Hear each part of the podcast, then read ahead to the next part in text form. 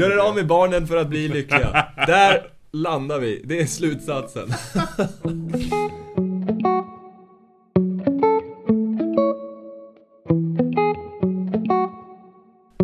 Vad utgör egentligen det perfekta fikat och hur uppnår man det? Ja, du lyssnar på Ofärdiga tankar. Podcasten där vardagens kanske på sin höjd mest medelintressanta frågor besvaras på ett ogenomtänkt sätt av min vän och kollega David Fredin och jag själv Staffan Blomgren. Idag har vi att göra med vattendelaren som är fikatillbehör, något som sannoliken blir en intressant diskussion. Och vi bekantar oss också med lite allvarliga knivigheter kring partner utan barn eller barn utan partner. Nu kör vi igång. Nu kör vi igång.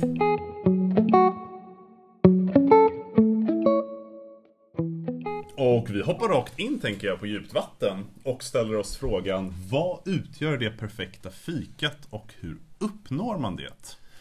Svår fråga.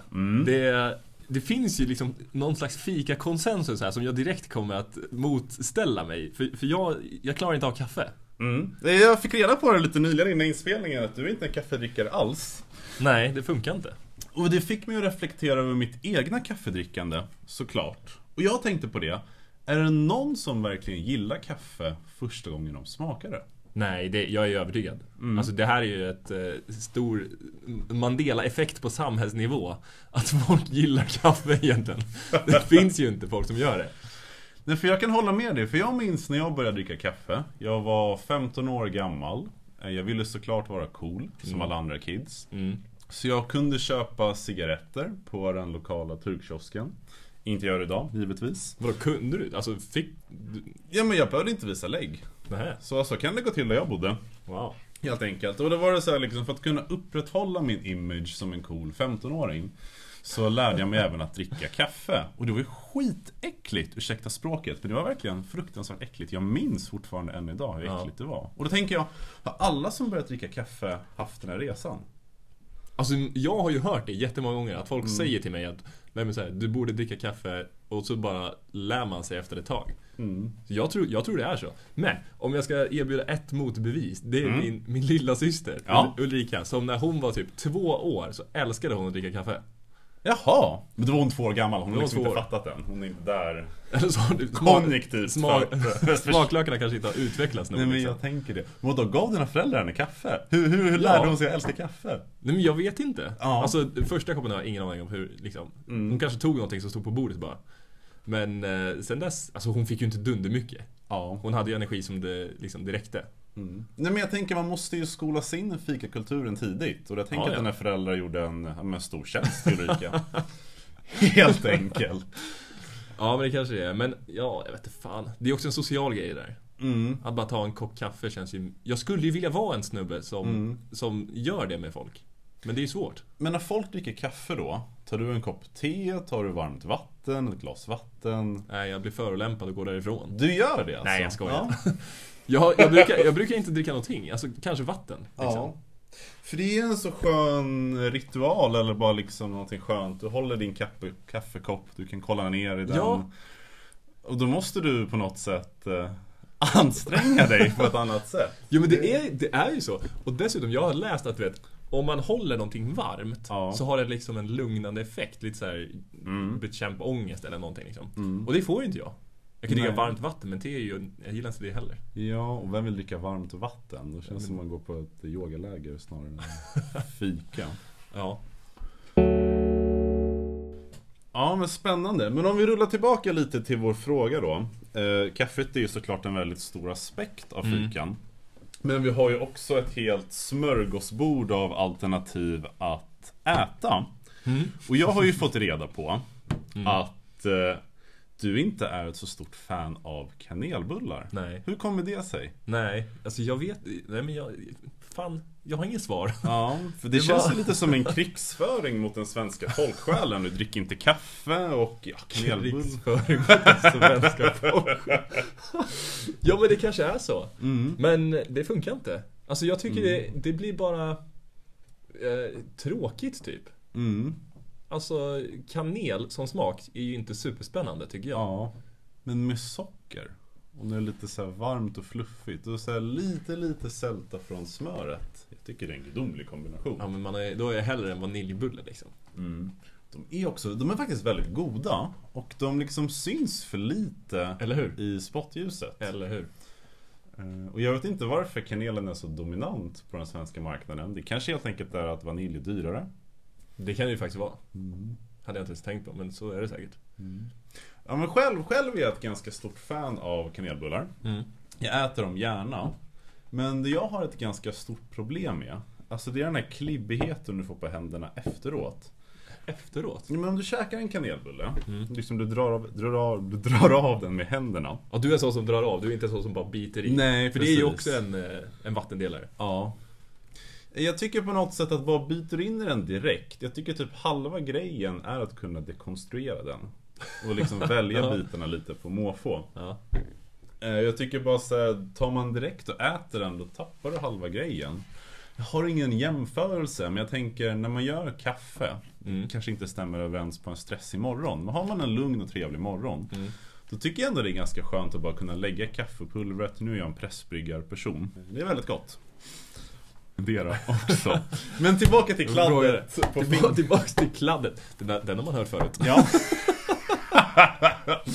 eh, för det tycker jag är en väldigt viktig aspekt i det perfekta fikat. Du ska kunna gå därifrån redo för det du ska göra efteråt. Ja. Och har du kladd på fingrarna då måste du gå till toaletten och skölja av det. Mm. För liksom har du så här sockerkladd då kan du inte bara ta en servett och få bort det. För det kladdet är kvar då. Mm. Om man kanske har en våtservett nu för tiden i och med pandemin eller postpandemin. Ja men det är ju lite omiljö... Ja men visst, också. och det luktar alkohol om du tar om händerna. Mm, exakt. Dels är det smaken som du är inne på. Smaken av små servetter. Ja men alltså kaffe, kaffe, kanelbullar tänker jag. Eh, och dels så har vi också liksom eh, efterarbetet efter Mm. det. Eh, kan du gå iväg därifrån? Så jag tycker kanelbullen är kanske inte det perfekta fikat. Nej, Och i ditt fall då det är ju du, klart inte. Ja, och du representerar ju dem, oss, de skulle jag säga för jag är inte De. en av dem. De andra. Eh, De andra som inte dricker kaffe. Ja. Och de måste ju också kunna få fika. Det gillar jag också. Uppbyggnaden av fikan i Sverige. Alla har en kaffemaskin. Mm. Alla har kaffekoppar. Mm. Jag tror folk känner sig väldigt trygga med det. Förutom du då som inte gillar kaffe. Det här är så kul. Du nämner det här, folk, alla har en kaffemaskin. Och nu kommer jag dra ytterligare en story från min gymnasietid. Ja, berätta, berätta. Jo, när jag gick i gymnasiet så hade jag en kompis, och vi var väldigt nära kompisar. Ja. Han var superentusiastisk, alltså så här, han var du vet, hög på livet kille. Ja. Gillade allt. Någon gång på någon sån här långhelg eller sådär så åkte vi iväg och vi, vi liksom hamnade i någon slags konferenslokal Mm. och jag tror att det var typ här, hans kusins kusin eller någonting Mm. som hade roddat och sen var det liksom typ 20-25 människor där. Och sen skulle de då liksom sälja kaffemaskiner. Jaha! Och de, det, var, det var liksom eh, ett helt upplägg liksom med Ja. du vet, så här, en powerpoint-presentation och bara så här, det här kan ni göra, bla bla bla bla bla. Vet du vad? Nej, berätta. Det var ju ett pyramidspel. Men som de själva hade skapat? Nej, Nej. nej. Men Det det, men det var ett pyramidspel. Ja. Och det, det här kom jag på, alltså typ 10 år efteråt. Mm. Jag satt där och var bara helt amazed. Jag bara, kan man tjäna så här mycket pengar på att sälja kaffe? Ja, det är fan sant. Alla i Sverige dricker kaffe. Kaffemaskiner, de går ju sönder säkert. Mm. Men det kändes lite knasigt, så jag, jag, jag vågade liksom inte ge mig in i det. Ja. Det är ett Men- genialiskt pyramidspel, särskilt för den svenska Eller marknaden. Eller hur? Måste jag säga. Ja. Och vem kan säga nej till två, för det var under gymnasietiden, eller Ja, hur? exakt. Vem kan säga nej till två gymnasieelever som säljer kaffe? ja, till mig hade man nog kunnat säga nej. Du, du såg mig inte då, men... Nej men jag tänker, du var ju gymnasieelev själv om jag förstår rätt. Ja. Ja precis, men jag tänker liksom en Ja. här 30-ålders medelålders person. Mm. Kan ju inte säga nej till två gymnasiekids som säljer kaffe. Det är sant. Det måste ju gå som Det smör. känns lite i hjärtat att du säger 30 och sen medelålders direkt Nej just det! Jag glömde det! Men okej, men om det känns bättre så är jag också. Jag fyller 28 i år, jag är inte långt ifrån. Du hade ju lite fakta på hur ofta svenskar fikar och Ja, liknande. det här var snabbt googlat och från Convini som ännu inte sponsrar oss vill jag, vill jag bara flika in. Men ni får gärna sponsra oss om ni vill. Ja, absolut. Eh, men tydligen så svenskar lägger omkring 250, fem- 250 kronor per person och månad på fika. Helt galet. Gör du det David? Lägger du 250 spänn? Ja men kanske i dolda kostnader. Nej men jag tänker så här, det är inte så att jag aktivt lägger 250 kronor per person och månad på fika. Om du skulle, man skulle räkna in kaffet jag köper hemåt, men jag kan ju inte spendera mer än 100 spänn på kaffe. Så det är en stor summa. Jag tycker också det är mycket. Ja. Ja, men jag känner mig tveksam till just den här datan. Vi får nog kika på validiteten där. Vi, vi tar gärna in ansökningar för någon som vill vara källkritiker till vår podcast. Ja, jättegärna. Jätte, jättegärna. Kul. Eh, Men i alla fall, och snitt kontorsfikande. 16 minuter om dagen. Och det känns lite lågt Jag tyckte också jag. det. Ja. Jag, alltså jag kan säga att eh, en, tar man liksom en fika med en, en person, Mm. det kan ju lätt bli 20 minuter, en halvtimme. Absolut. Eh, Så nej, jag tänker de som har 16 minuter per dag. Nu är ju också snitt såklart, men eh, ni får nog på något sätt öka er. Alltså man kan inte ha en fika. Jag tänker att en fika borde vara minst 20 minuter. Eller hur? Eh, Och sen ska du liksom, nej, nej, nej, nej, nej. Ni som har 16 minuter, ni får helt enkelt Det är ju ett snitt också, så det innebär att folk tar någon sån här speedfika på 10 min, vissa, Ja. vissa människor. Kan man ens kalla det en fika då? Nej. Det- Eh, Jag hade velat vilja se lite mer hur den här datan var uppbyggd. Mm. Eh, Men annars så här, i Norrland fikar man mest. Eh, 51% Också ganska låg procentsats tycker jag. Uppger att de fikar minst två gånger per dag. Två gånger per dag, det är ju, jag tycker det är mycket. Tycker du det var lite? Ja men vet du vad, i mitt huvud tror jag jag ser en fika som bara dricka en kopp kaffe. Ja. Eh, inte liksom bullar eller pralin eller vad man nu tar till. För Mm. då är gånger per dag jättemycket. Jag tycker också det. Ja. Ja men kul hörni. Uh, ska, vi, ska vi stänga frågan? Jag tänker det. Eh, och eh, har du lite synpunkter, lite tankar på ditt perfekta fika? eller kaffets vara eller icke-vara i den svenska folksjälen så får du jättegärna kontakta oss. Eh, så kanske vi har ett nytt avsnitt om fika längre fram. Vi har faktiskt en liten, eh, vad ska vi kalla det, en rysare till frågan. Som inte som Den är lite frågan. spännande. Ja. Den är faktiskt väldigt spännande och det är både ett snurr på orden och eh, Ja men en ganska intressant frågeställning om ens framtid och barn helt enkelt. Mm. Och jag tänker Staffan, du säger den så bra så jag får låta dig presentera frågan helt enkelt. Och då får du börja svara då. Ja. vad, vad har du helst? Partner utan barn eller barn utan partner? Instinktivt tänker jag direkt att jag har partner utan barn. Mm. För det känns ju spontant himla jobbigt att uppfostra ett barn utan en partner. Mm. Eh, Men sen när man gräver lite mer i det, om- så om det här är liksom ett svart eller vitt fråga, att jag måste välja någon av dem. Ja men vi säger att det är det. Liksom. Vi tänker att det är det, precis, för konversationens skull. Då väljer jag ju en partner och liksom aldrig s- få möjligheten att få barn. Mm. Eh, Och det vet jag inte heller om jag vill. Eh, För det, det som tilltalar mig med barn Mm. Och vi kanske får klippa det här bort det här Vad som tilltalar mig med barn. Nej, men ja det- men man fattar. Det är att man kan eh, uppfostra en liten version av sig själv Ja. Och det måste ju vara superkul och And liksom- new and improved liksom. Ja men new and improved, verkligen. Och Mm. se ens egna egenskaper och ens partners egenskaper i det barnet. Så nej men spontant där jag är idag i mitt liv, eh, nu när jag närmar mig medelåldern själv. Jag är fortfarande på partner utan barn. Mm. Men jag funderar på om man skulle ställa den här frågan till mig själv när jag är 40 och då har passerat medelåldern. Eh, då kanske jag skulle välja barn utan partner. Jag vet inte. Men okej, så om du ställer frågan när du är 40, räknar du då med att du inte har barn då heller? Mm, precis. Ja. Om jag redan har barn då, så då... om men, ja, men det, är, det är en bra fråga. För om jag redan skulle ha barn då, så Ja. skulle jag välja barn utan en partner tänker jag. Om jag är nöjd med min Då skulle du nuvarande kapa... partner. Ja, Ja. då skulle du kapa den andra föräldern liksom. Ja. Fast det vill man ju typ inte heller. Ja, jag vet Nej. inte. Jag lutar ju, eh, som du, åt partner utan barn. Mm. Eh, och jag tänker så här. Det är på något sätt mer i nuet Mm. att vara med sin partner. Mm. Man är på samma nivå liksom, i, i livet. Mm. Man har mycket gemensamt, man har eh, historia tillsammans Mm. och, och allt sånt där. Eh, jag antar att man, man väljer ju sin partner liksom. Mm. Man väljer ju faktiskt inte hur ens barn ska bli. Mm. Och bara den liksom, mängden av kontroll kanske är, jag vet inte, lite skön för mig att, att tänka på liksom. Mm.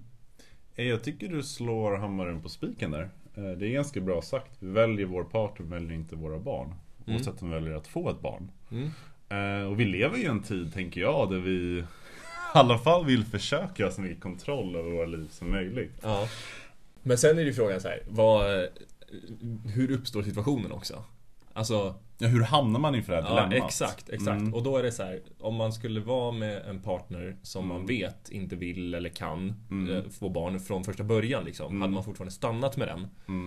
Eh, jag vet inte. Jag Mm. tror kanske inte det. Alltså om, om det är en valfråga liksom, då kanske jag hade lutat åt att det är en dealbreaker ifall man inte kan eller kommer någonsin skaffa barn liksom. Eh, Men å andra sidan om man har varit ett par lång tid och sen så Mm. uppstår det komplikationer Mm. som gör att man inte kan det. Då, kan, då är det en helt annan fråga. Mm. Och sen är det ytterligare en annan fråga. Om man är med en partner och säger att vi skaffar barn Mm. och säger att vi liksom är 55, 60 Mm. och bara säger nej men vi vill, inte, vi vill klart inte ha fler småbarn. Mm. Och sen så om, man, om någon sjuk situation skulle liksom välja då Mm. ens partner eller ens barn Mm. att liksom ta bort ur livet. Bara Mm. hypotetiskt såklart. Vad, vad, vad fan hade man valt då? Mm. Det är en jättesvår fråga. Men jag tänker ju så här, om man då skulle ha partner utan barn eller barn utan partner. Om man redan har ett barn, lite som du är inne på. Mm. Och sen man måste välja. Jag tänker ju att man alltid väljer sitt barn på något sätt. För Mm. man har på något sätt, inte om det är liksom en samhällelig konstrukt eller om det är liksom rent biologiskt. Men jag tänker ju man väljer ju sitt barn ändå för du är ens barn. På något sätt är liksom ens barn alltid konstant Mm. när du väl har det. Mm. Eh, Jag tänker så här superhypotetiskt. Man har liksom haft ett barn gemensamt i 15 år. Partnern kanske hamnar i någon sorts, jag vet inte, situation. Mm. Och självklart vill man ju välja båda och hjälpa båda. Men Såklart. liksom, är det ett ultimatum där? Tror jag nog ändå, i alla fall jag, utan att ha en partner eller ett barn för den delen. eh, skulle välja barnet.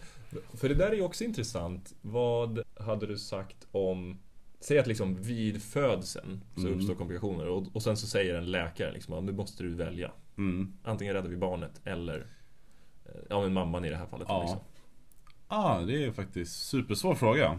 Och, Jag, vet, jag tror inte det kan hända dig alltså så, men, Ja. men ifall. Men jag tänker att eh, jag skulle nog välja mamman faktiskt. Mm, Med, argument- fallet, ja. ja, med argumentationen att med mamman kan man ju få nya barn. Mm.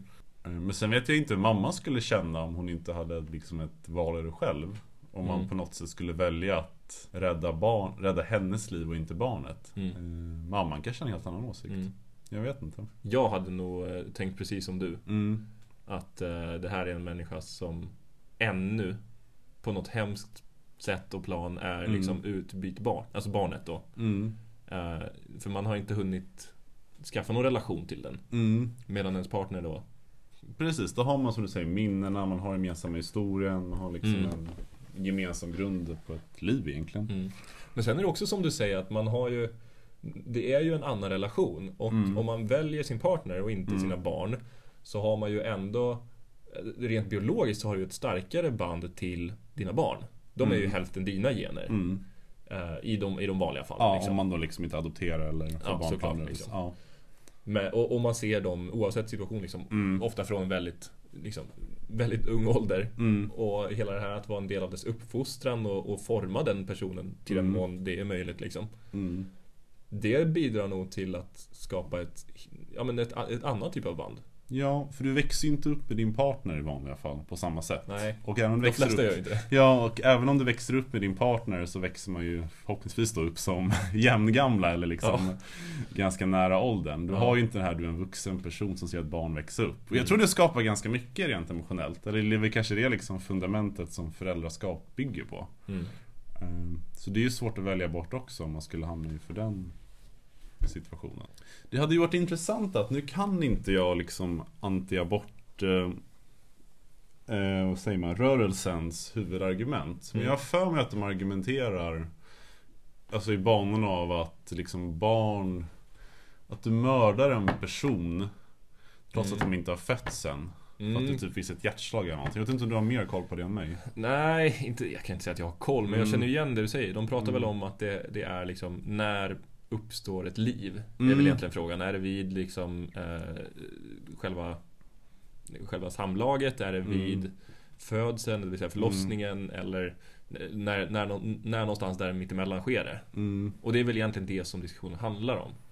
Eh, och som du säger, om, de, om man nu anser att liv skapas direkt vid eh, vad heter det? Det finns ju något ord för det här. Samlaget tänker du? Liksom vid Ja. inseminationen? Ja, Eller men det, Ja, det, men alltså- det är det vi syftar på. Ja. Ja. Om man anser att livet skapas då, Mm. då kan jag ju hålla med om att då känns det ju hemskt att, att döda Mm. någon. För jag tänker vi är lite mer inne på i hela den här diskussionen att livet skapas någonstans där barnet är fött och där man liksom börjar skapa gemensamma minnen och du liksom Mm. har en relation. Sen har du en relation med barnet innan det föds också. Alltså Mm. liksom du känner det på magen och eh, har drömmar och förhoppningar, bygger barnsängen. Absolut. Men då väger man på något sätt det mer emot eh, Då väger man partners liv och liksom minnen där Mm. mer emot barnen. Mm. Men du har också hittat lite fakta här, vilket Ja. jag tycker var ganska spännande. Det här är från en artikel publicerad av eh, Statistiska centralbyrån 2019. Mm. Där de har eh, eh, tagit in svar, enkätsvar då från människor i åldern 20 till 65. Mm. Eh, där de då menar att de som är allra mest nöjda med livet Mm. är ju DINKs. Det vill säga Double Income No Kids. Ah! Det är alltså... Dinks! De måste vi prata om på ett annat avsnitt tänker jag. Det har jag aldrig hört förut. Nej, jag fick lära mig det av min sambo för något år sedan. Ja. Men eh, de säger alltså 52% av alla då DINKs, det, det vill säga de som lever i ett parförhållande utan barn. Mm. Eh, 52% uppger att de är mycket nöjda med Mm. livet. Eh, jämför de med 41% bland de som har barn. Mm. Eller lever med barn, det vill säga. Under 18 då också. Ja, precis. Mm. Det säger dock ingenting om de vars barn har flyttat ut. Så Mm. det, kan ju, det kan ju vara två, eh, liksom ett par, ett, ett sånt här dinkpar Mm. vid 60, 64 års åldern Mm. som har haft barn hemma och sen nu bor utan barn. Mm. Jag har hört att de är typ lyckligast. Ja men jag kan tänka mig det ändå. Men när barn, om barnen flyttat ut då tänker vi? Eller de som aldrig haft Ja, barn? nej, men de, när barnet har flyttat ut. Ja, jag tänker för då har man verkligen så här, jag tänker så här, man känner ju en ganska stor känsla av eh, achievement när man läser ut en bok på, vi säger, tusen sidor. Ja. Och jag tänker så här, har du uppfostrat ett barn över 18 års tid? Alltså fatta så här känslan av achievement man känner när barnet sen flyttar ur huset. Ja, ja, det måste ju vara fantastiskt. Jag tänker att den liksom livsnöjdheten på det var Bara dra med sig en... Ja, det kanske är så. Jag vet att Mm. mina föräldrar eh, mår ju skitbra. Mm. Alltså nu när jag och mina syskon har flyttat ut. Det var ju i och för sig ett tag sedan. Men Mm. liksom ä- ändå. Eh, Man får ju mer tid till varann igen efter att ha haft, eh, jag vet inte hur många liksom, småbarnsår och sådär. Det, och jag har en ganska intressant liksom, vinkel på det. Eh, Min mamma har en 12-årig, eller 12-årig 12-årigt barn då, min lillebror, som Mm. är 12 år gammal. Och jag har börjat skämta nu om att liksom Theo ska flytta till Lund när han är 18, direkt flytta hemifrån. Ja. Och mamma är ju så här lite hysterisk. Hon bara nej vad säger du? Han ska bo här i källaren i min villa. Hon bara David jag är äldre nu än när du flyttade hemifrån. Jag bodde i källaren i mina föräldrars villa när jag var liten. Eh, och allting. Men så här, liksom, hon, är ju, hon ser inte alls fram emot när Theo flyttar hemifrån Nej. är vuxen. Eh, men det kanske är nu. Hon kanske liksom, det kanske Ja. får liksom ta, dra av det plåstret så blir man lycklig. Eller lyckligare helt enkelt. Man är okej Gör med er av med barnen för att bli lyckliga. Där landar vi. Det är slutsatsen. Herregud. Mm. Ehm, Ja men jag tror vi får tacka för oss idag. ja, jag tror att det där var allt för denna veckan. Mm. Eh, nästa vecka kommer vi prata lite böcker. Vi kommer prata bubbel. Mm. Det, det ser jag väldigt mycket fram emot. Mm. Jag med. Eh, alltid kul att, att prata med dig David och jag hoppas eh, vi hörs mer. Nästa veckas ofärdiga tankar. Det gör vi. Tack för idag hörni.